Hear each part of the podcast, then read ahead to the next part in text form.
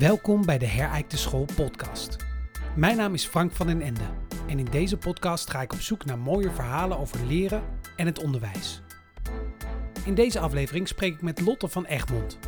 Lotte is docent bij een opleiding horeca, maar verdiepte zich daarnaast in wat de leeromgeving kan doen met het activerend leren van studenten.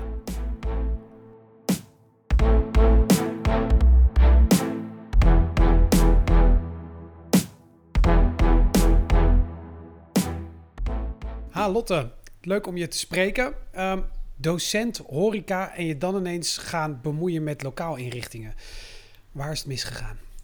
Uh, het is misgegaan bij het practoraat, activerende didactiek, uh, denk ik zo, uh, Frank. Oh jee.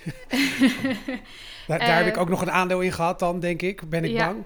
Ja, zeker weten. Ik denk dat je een, een groot aandeel hierin bent, in bent geweest. Maar vooral gericht op dat we heel veel met activerende didactiek bezig zijn. En op het moment Hmm. dat je door de gang heen loopt, dat je dan alles behalve activerende lokalen ziet. En dat was uiteindelijk wel een, een soort van zorg van hoe kunnen we activerende didactiek ook goed toepassen als iedereen in een busrij zit achter Hmm. elkaar. En toen ben je op onderzoek uitgegaan. En wat was nou het eerste bevinding die jij, die jij deed, zeg maar?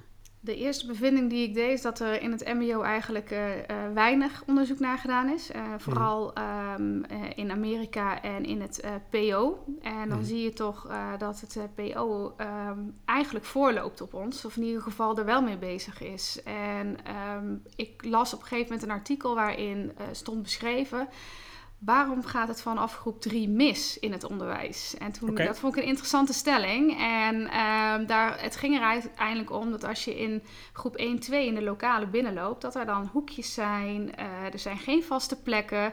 Elke week of elke themaperiode worden de hoekjes omgedraaid. En uh, is eigenlijk een, een lokaal altijd in beweging. Mhm. Mm. En op het moment dat je naar het VO gaat kijken, dan, uh, en ik naar mijn eigen studietijd kijk, dan denk ik, ja, ik heb eigenlijk alleen maar achter elkaar en heel soms nog een keer in een U-vorm of in wat blokken gezeten. En in het MBO ook. En het is een, een, een, beroepsgerichte opleiding. En we zijn eigenlijk heel erg individueel bezig met studenten. En we proberen mm. wel steeds verder te kijken.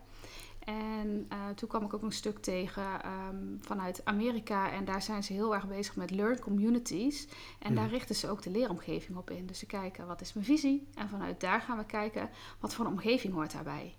Want wat is het dan volgens jou dat die, die busopstelling, hè, dat die zo populair is? Want je had het net over de, de overstap van basisschool naar middelbare school. Maar eigenlijk is het vanaf groep drie al hè, dat die busopstelling zijn introductie doet in veel basisscholen. Ja, ja, daar, uh, dat is eigenlijk alleen maar interpretatie, want daar is eigenlijk weinig over bekend wat het is. Want het onderwijs verandert natuurlijk snel, maar de lokale en de opstellingen dus blijkbaar uh, vele malen minder.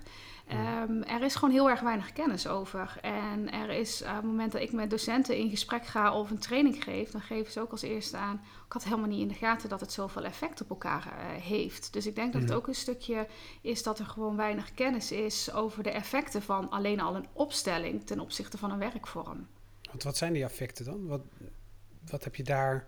Wat zijn jouw, jouw bevindingen daarin? Um, dat uiteindelijk het leerrendement omhoog gaat, uh, waarbij uh, ook een stukje leermotivatie uh, stijgt. ik heb zelf met twee groepen geëxperimenteerd en um, ik heb de eerste vier weken eigenlijk niet zoveel gezegd wat ik deed. Ik ben gewoon echt gaan, gaan, gaan spelen met de opstellingen. in eerste instantie kreeg ik heel veel weerstand van studenten, waren erg ontevreden, althans dat dachten ze. En na vijf weken ben ik met ze in het gesprek gegaan. En ze gaven op een gegeven moment echt aan: Oh, maar ik begrijp waarom ik tegenover elkaar zit in plaats van naast elkaar zit. En na tien weken ben ik gestopt met opstellingen. En heb ik ze weer terug in een oude busrij gezet. En de eerste reacties van beide groepen was: Gaan we vandaag niks leuks doen? Okay. En um, dat is wel een, een bijzondere reactie geweest. Dat ik dacht van: Het heeft dus. Uh, hoe klein dan ook echt wel effect op, uh, op gedrag. Uh, studenten gingen met elkaar in gesprek in plaats van dat ze hun laptops naast elkaar gingen zetten en eigenlijk gewoon met hun eigen ding bezig waren. Mm. Terwijl dat het eigenlijk een opdracht was wat ze gezamenlijk moesten doen. Dus ja. je merkt daardoor coöperatieve samenwerkingsvormen dat dat gewoon veel beter ja, tot zijn recht komt. Ja, want wat ik heel tof vind aan wat jij doet, hè, is dat wat je heel vaak ziet, is dat uh, scholen die gaan dan nieuw bouwen. Hè, en dan moet er allemaal heel duur meubilair komen. En het moet er vooral allemaal super gelikt uitzien. Maar jij houdt je ook vooral gewoon bezig met, joh, als staan er tafeltjes die al 30 jaar oud zijn, uh, zelfs dan kun je nog iets veranderen in je, in je klaslokaal. Ja, de, de rand, uh, randvoorwaarden van een goed leeromgeving, ja, daar heb je als docent gewoon geen invloed op. Want dat hmm. is al voor jou bepaald. Uh, we weten vaak ook niet eens wat er te krijgen is uh, als een docententeam. En we weten eigenlijk ook niet wat die randvoorwaarden zijn. Ehm, dus ik ben vooral gaan kijken, wat kunnen wij als docenten zelf doen? Waar hebben wij wel invloed op? En dat is hmm. gewoon dealen met de omgeving die je hebt en kijken hoe kan ik daar dan mee aan de slag. En ik ben eigenlijk begonnen met uh, Lego blokjes en aan hmm. de hand van die Lego blokjes ben ik gaan spelen. En ik ben dat gaan toepassen in de, uh, in de lokalen. En dan zie je vooral dat uh, studenten veel actiever bezig zijn. En ja, je start echt wel met weerstand. Want ze zijn gewoon al vijf, zes jaar gewend om een lokaal binnen te lopen. Achter in een lokaal te gaan zitten. Een laptop open te doen. Het liefst nog een capuchon over hun hoofd te zetten. En dan maar wachten tot de docent start. Maar wat ik doe is, ik uh, heb een plaatje van de opstelling die ik wil. Ik zeg tegen studenten, zet je tassen daar neer en uh, jullie krijgen vijf minuten de tijd om die opstelling uh, klaar te zetten. Dus dan zeggen die studenten dan niet, joh, Lotte, doe het lekker zelf? ja, in het begin wel. In het begin wel. Die hadden echt zoiets, ja, ga ik echt niet voor jou doen. Um, maar ik denk dat het allerbelangrijkste is dat je in gesprek moet blijven met die student. En het mooie is op het moment dat je gaat uitleggen waarom je het doet. En dat ik zeg, maar wat hebben jullie net gedaan? Ik heb net een uur naar Engels zitten luisteren. Ik zeg, nou, nu mag je even wat gaan doen. Dus dat gesprek met die student staat dan centraal. En uh, het is gelijk een energizer, want ze moeten letterlijk actief aan de slag. En het is gelijk groepvorming, want ik heb veel leidinggevende eh, bediening uh, waar ik les aan geef. En dat zijn uh, niveau 4 studenten. En ik zie gelijk wie de echte leidinggevende is. En je ziet gelijk een, een, een patroon in de klas ontstaan. Wat en mooi. Gamification kan je eraan koppelen, want soms begin ik met vijf minuten en ik probeer dan drie weken later zeg, nou goed, hè, jullie doen er nu vijf minuten over, we halen er een minuutje af. Ja, en dan mhm. wordt het echt gewoon ook nog leuker met de klas om het te doen. Wat tof. Het is wel iets wat erin moet slijten, dus ook bij een groep. Ja, ja, zeker. Ze zijn het niet gewend. En alles wat nieuw is, uh, vergt uh, bij de meeste weerstand. Maar op het moment dat je dit standaard gaat doen, wordt dat ook weer structuur. En bij mhm. mij ziet inderdaad elke week de opstelling, even pre-COVID, zag, ziet het er gewoon elke week anders uit. Ja. En ik krijg heel vaak de opmerking dan in eerste instantie, ja, maar dat is geen structuur. Jawel, want het mhm. is een structuur dat het elke week anders is. Ja, ja want helpt het ook bij het eigenaarschap ehm, ja, meer eigenaarschap te creëren bij de studenten. Dat ze inderdaad ook zelf nou ja, bezig zijn met dat lokaal. Want normaal zijn ze eigenlijk maar bezoeker in een lokaal. En nu moeten ze eigenlijk gelijk aan het begin al ja, iets, iets neerzetten waar zij zelf ook onderdeel van zijn. Ja, absoluut. Uh, je ziet heel erg dat studenten uh, op een gegeven moment elkaar ook corrigeren als het net niet even recht staat of dat het één grote rotzooi is. Uh, je ziet ook doordat ze met tafels gaan schuiven dat de rotzooi van de vorige groep soms tevoorschijn komt. Okay, ja. En dan zie je dus de frustratie en nu moet ik het troep van een ander opruimen. Nou goed, dus je ziet wel dat ze elkaar daar dan wel op aan gaan spreken en zien wat het gedrag dus ook van een andere groep is geweest die wel in een busopstelling hebben gezeten. Ja, hey, maar nou ben ik docent hè, en nou wil ik, uh, ja, ik kan niet zomaar in het wilde weg tafeltjes gaan verslepen. Heb je uh, tips over bij wat voor soort werksvormen welke opstellingen, zeg maar, hoeveel opstellingen zijn er eigenlijk? Kun je ons daar eens in meenemen? Ja, ik denk dat er uh, eigenlijk bijna oneindig veel is, maar het heeft natuurlijk te maken met wat is je lesdoel, uh, welke werkvorm of werkvormen ga je inzetten, hoe groot is je lokaal en hoe groot is je groep. Dat heeft allemaal effect op elkaar. Maar wat ik graag uh, probeer in te zetten is um, als het gaat over samenwerkingsopdrachten om blokken neer te zetten. Maar dan zet ik geen blokken van vier, maar of oneven aantallen. Of ik zet de tafels net even wat schuiner, zodat ze niet naast elkaar of tegenover elkaar komen. Waardoor er een andere dynamiek in de groep komt. Maar dat is hetzelfde met een um, samenwerkingsopdracht met z'n tweeën. Ga studenten niet naast elkaar zetten, maar schuif twee tafels tegenover elkaar. Zodat ze elkaar aankijken en de laptops tegen elkaar aanstaan. Waardoor ze met elkaar gaan spreken in plaats van naast elkaar een opdrachtje aan het uitwerken zijn. Ehm, je kent de, de U-vorm is echt een hele fijne opstelling. Ehm, maar dan is het wel belangrijk dat het een stukje gaat om individueel werken. Want je zit ook weer naast elkaar. En wat ik daar heel vaak doe, is een, uh, of een blok in het midden nog plaatsen. Of er een dubbele U als ik een groot lokaal heb van maken. En daarin kan heel makkelijk differentiëren plaatsvinden. De groep die een verlengde instructie nodig heeft, die gaat in het midden zitten. En de groep die zegt, nou, ik kan zelfstandig aan de slag, die gaan aan de buitenring zitten. En dan leg je ook de verantwoordelijkheid bij studenten neer. Studenten die dan zeggen, ik kan dat van de buitenring zelf. Ik hoef geen hulp. Maar na drie keer vragen, dan zeg ik toch, neem toch even plaats in de binnenring. Dus leg die verantwoordelijkheid wel bij de student. En vervolgens kan de student, uh, kan jij als docent kijken van, heeft hij het ook echt nodig? Ehm, of maak als je toch met echt zelfstandig werken wil werken en een verlengde instructie en eventueel samenwerken, dat je het lokaal in tweeën opsplitst en aan één kant toch nog een klassieke busopstelling en aan de andere kant met blokken gaat werken. Hmm. Hey, en als je dan, dan kijkt naar. Het vraagt best wel wat van meubilair. Hè?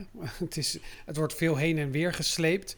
Um, daar, daar zijn directies en conciërges altijd best wel een beetje angstvallig voor. Hè? Want de slijtage. Mhm. Ehm, wat is jouw ervaring daarmee?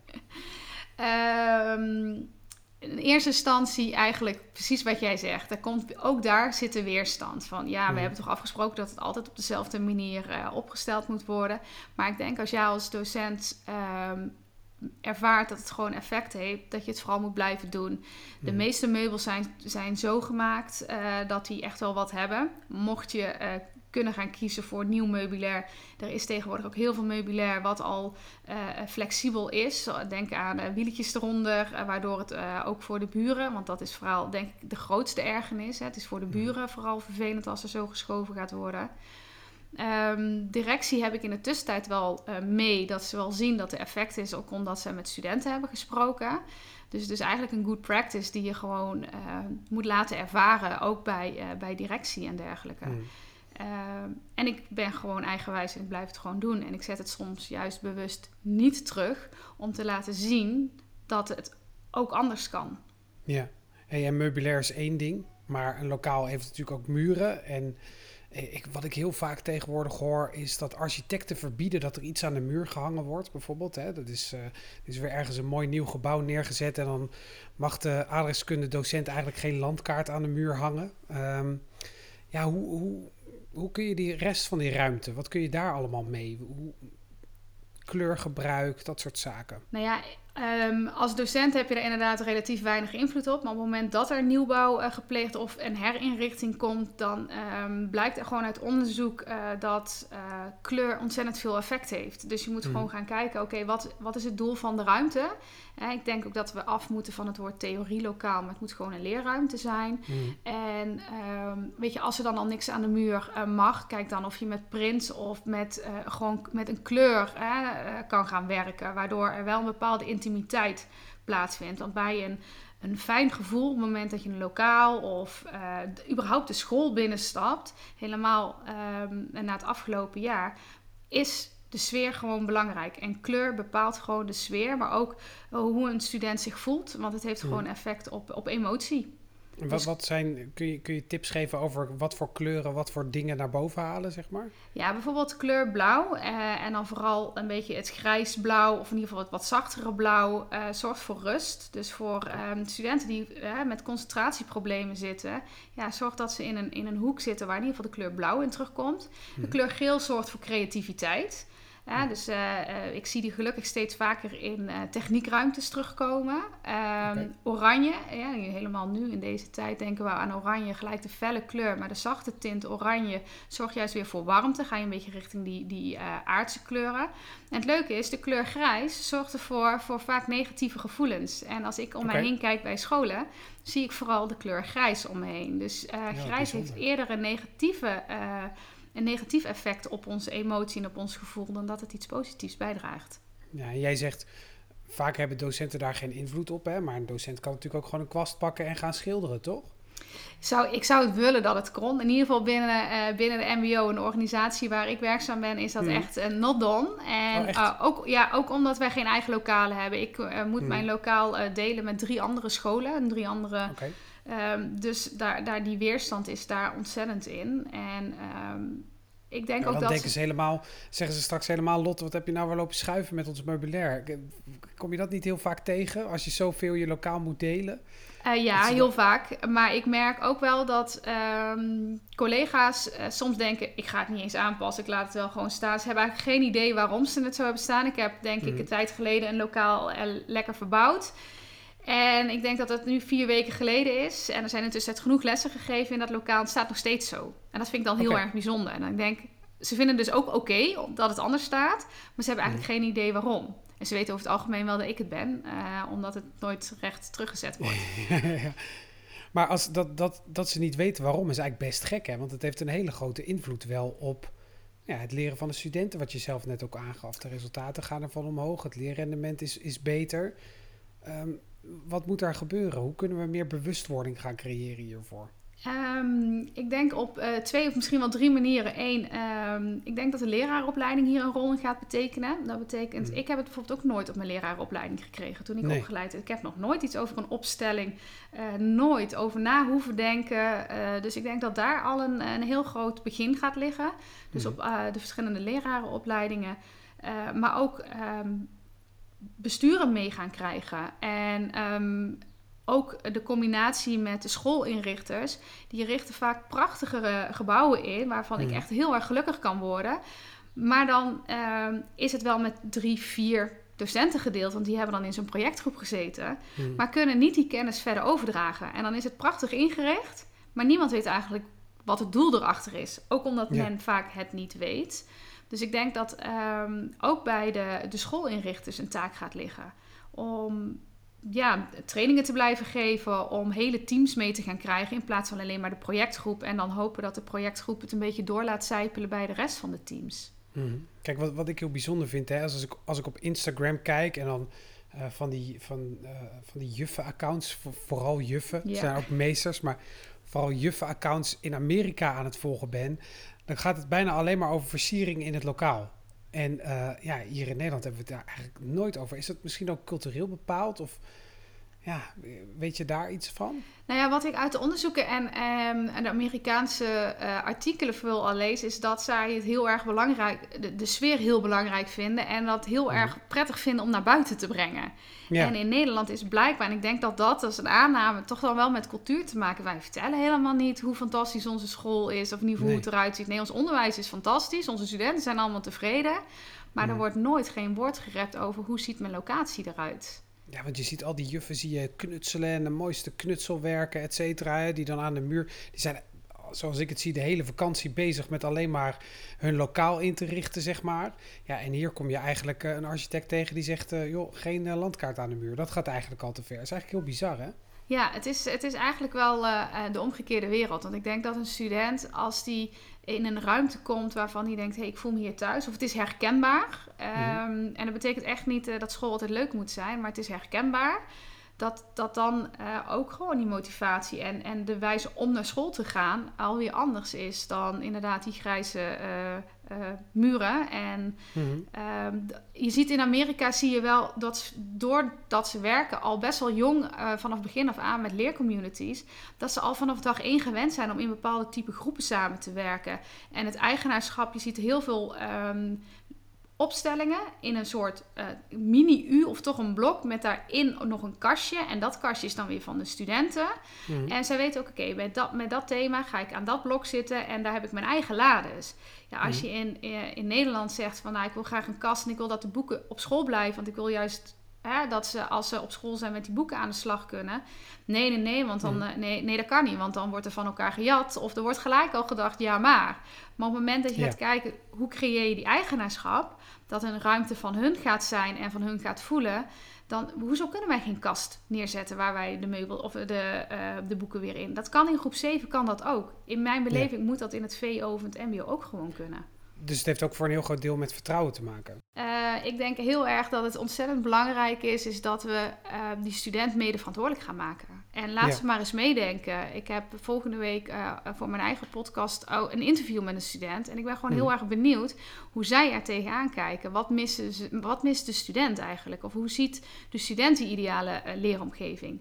Maar begint dat volgens jou dan niet eerst bij de docent ook eigenaar maken van zijn lokaal? Dus uh, natuurlijk kun je van de studenten verwachten dat ze mede-eigenaar worden, maar de docent mag niet eens eigenaarschap over zijn eigen lokaal zijn. Is dat ook niet waar het verschil met die voorbeelden van die juffen in Amerika zit en ja. hier in Nederland, uh, ja, waar de directie of vooral, ja, het moet vooral heel clean zijn, zeg maar. Weet ja. Je? Ja, want in, in, in, ik denk dat daar de allereerste stap ligt. En dat een docent ook gaat leren wat de effecten zijn um, van een eigen lokaal of een eigen ruimte. Of, en ik denk op het moment dat die kennis er niet is, kan ik gaan blijven roepen van jongens, je moet echt wat gaan doen. Maar als zij niet ervaren dat het gaat werken. En in het onderwijs is vaak als iets na drie, vier weken niet lukt, dan gaan we gelijk weer iets nieuws doen. Maar mhm. echt mijn grootste advies is, zet eerst eens gewoon tien weken door. En dan ga je echt wel de effecten zien. Een student die acht, negen jaar hetzelfde gedrag heeft aangeleerd om achter in een lokaal uh, achter zijn laptop met een capuchon op te zitten, ja, die gaat de eerste drie weken er echt, echt nog niet gelukkig van worden. Dat is, dat is gewoon zo. Ja. Uh, maar wij denken dan vaak na drie weken, het lukt niet, we stoppen ermee. Nee, dan moet je juist gaan doorzetten. En dan gaan docenten leren dat het effect is. En dan ga je inderdaad ook sneller, denk ik, die eigenaarschap bij docenten creëren. Omdat ze zien dat het dus effect heeft en uh, dat het voor hun eigen werkplezier ook beter is. Mhm. Maar ik denk überhaupt de meeste scholen, um, als ik naar onze lerarenkamer kijk, waar wij werken, nou, dan word ik allesbehalve geïnspireerd. Ja. En dan denk ik, ook voor ons is werkplezier van belang en dus die leeromgeving, waar, of voor ons werkomgeving. Dus ik denk dat het een combinatie van uh, zoveel factoren is om iedereen mee te gaan krijgen. Ja, terwijl je toch eigenlijk misschien nog wel meer tijd op je werk doorbrengt door de week dan thuis. Ik denk wel, je weet wel je zeker, zeker ja. ik denk dat dat toch vaak gebeurt. En je refereerde net al naar je eigen podcast, want je hebt een tijdje geleden besloten om je hier ook echt op te gaan richten en het woord te verspreiden. Ja. Ehm, hoe doe je dat? Hoe zorg je ervoor dat, dat, dat de bewustwording hier voorkomt voor dit onderwerp? Uh, nou ja, inderdaad, uh, onder andere uh, mijn podcast. maar ook omdat ik ehm, ga samenwerken met verschillende schoolinrichters om met hun te gaan onderzoeken hoe kunnen we, als er dan ingericht is, hoe kunnen we het langer laten, ehm, ja, laten beklijven bij de docenten. Mhm. En zodat het dus uiteindelijk die olievlek groter gaat worden, alleen al binnen die locatie. Daarnaast heb ik verschillende workshops voor, voor docententeams. Mhm. En ook voor leraren in opleidingen. En ik heb ook een adviesstuk um, erin zitten op het moment dat er een school zegt: ja, ik wil iets met die omgeving, maar ik weet eigenlijk niet zo goed wat. En huisvesting wil, wil ons helpen, alleen die zit op de centen en op de vierkante meters. Hoe kunnen we tot elkaar komen? Want daar zie je vaak het gat. Als er dan uh, een aanbesteding is en dan mag opnieuw gekeken worden naar herinrichting, dan zeggen de, uh, de, huisvesting is van de cijfers en, en, en de afmetingen en de aanbestedingen. En een docententeam die zegt, ja, ik heb wel een visie, maar ik weet eigenlijk niet wat ik, hoe ik dat moet gaan vertalen. En ik wil eigenlijk die springplank tussen zowel huisvesting en of schoolinrichters en een docententeam zijn. Ja, dat verbinden met elkaar. Ja, ja hartstikke mooi. Want merk je dat daar heel... Hoe wordt daarop gereageerd, zeg maar, als je zo'n workshop geeft? Wat, wat zegt zo'n docententeam dan? Uh, die zeggen vooral oh, ik had hier eigenlijk nooit over nagedacht. En mhm. ehm, eh, ja, ik doe wel eens wat, maar ik baseer het nergens op. Uh, want ja, ik hoor wel eens dat het goed is om uh, mijn tafels anders neer te zetten. Maar vooral gericht op, ik doe maar wat. Dus de, ze reageren er vooral op dat ze bewust worden van waarom ze iets aan het doen zijn. Mhm. En, ehm, en ik inspireer ze ook door gewoon wat voorbeelden te laten zien. En ik ga ze ook vooral zelf aan de slag zetten. En doordat ik dus Lego bijvoorbeeld nu gebruik, is het gewoon visueler. En ze komen dan juist tot zoveel verschillende opstellingen. En vooral bij mhm. het MBO docenten die zeggen: ja, ik geef heel veel rollenspellen, maar ja, ik kan eigenlijk nooit de hele klas betrekken. Ik zeg: nou, zet dan eens gewoon al die tafels en stoelen aan de kant, want dat is ook een opstelling. Ga gewoon staan. Ja, grappig. Eigenlijk, eigenlijk heel grappig, hè? Het is eigenlijk gek dat we daar niet zo ons bewust van zijn, dat we daar nooit tijd aan besteden. Terwijl, ja, het maakt toch een heel groot deel van je, van je lessen. Ja, en ik denk vooral dat het voor de student, maar ook voor jou als docent, gewoon ook weer leuker gaat maken. Om gewoon ook eens totaal anders naar je, naar je onderwijs te kijken. Want ik zie dat mensen, doordat ze met de training bezig zijn, dat ze ook weer gaan nadenken over lesdoelen. En hmm. hè, normaal gesproken zie je vaak, ze krijgen van mij vaak de opdracht vooraf, neem een lesdoel mee en hmm. zorg dat je weet welke werkvorm je zou willen gaan inzetten. En dan zie ik vaak als lesdoel alleen een onderwerp. En ja, ehm, ja maar dan, uh, ja, maar ik weet al wat ik wil doen. Ja, maar wat wil je bereiken? En door die training gaan ze eigenlijk weer even helemaal terug naar de basis. Hmm. En dat is vooral heel erg leuk om te zien. Doordat ze definiëren wat ze willen bereiken, ga je ook kijken naar wat je nodig hebt om dat te bereiken. Juist, dus inderdaad, wat wil ik bereiken? Welke middelen heb ik daarvoor nodig? Niet alleen maar een, een, een, PowerPoint of een leermethode. Nee, je kan letterlijk je lokaal inzetten als instrument, als middel om je doel te bereiken. nou, laat dat dan een oproep zijn. Hè? Dat mensen meer hun lokaal moeten gaan inzetten als instrument. Als ze geïnspireerd willen worden, waar kunnen ze dan terecht? Uh, ze kunnen mij volgen op Instagram en dat is uh, docent.lotte. Of neem een kijkje op mijn website lottolearn.nl lottolearn.nl. Dan kunnen ze ook meer informatie vinden over de workshops die je geeft. Ja. En je podcasts ook beluisteren. Ja, die staan uh, daarop, maar die staan ook op eigenlijk alle grote kanalen. En die heet ook Lot to Learn, de podcast. Super tof. Nou, dankjewel voor deze bewustwording, Lotte. Um, ik ga er in ieder geval uh, nou ja, meer bewust mee zijn en ook bewust mee aan de slag. Um, bedankt iedereen voor het luisteren. Volgende week weer een nieuwe aflevering. Tot de volgende.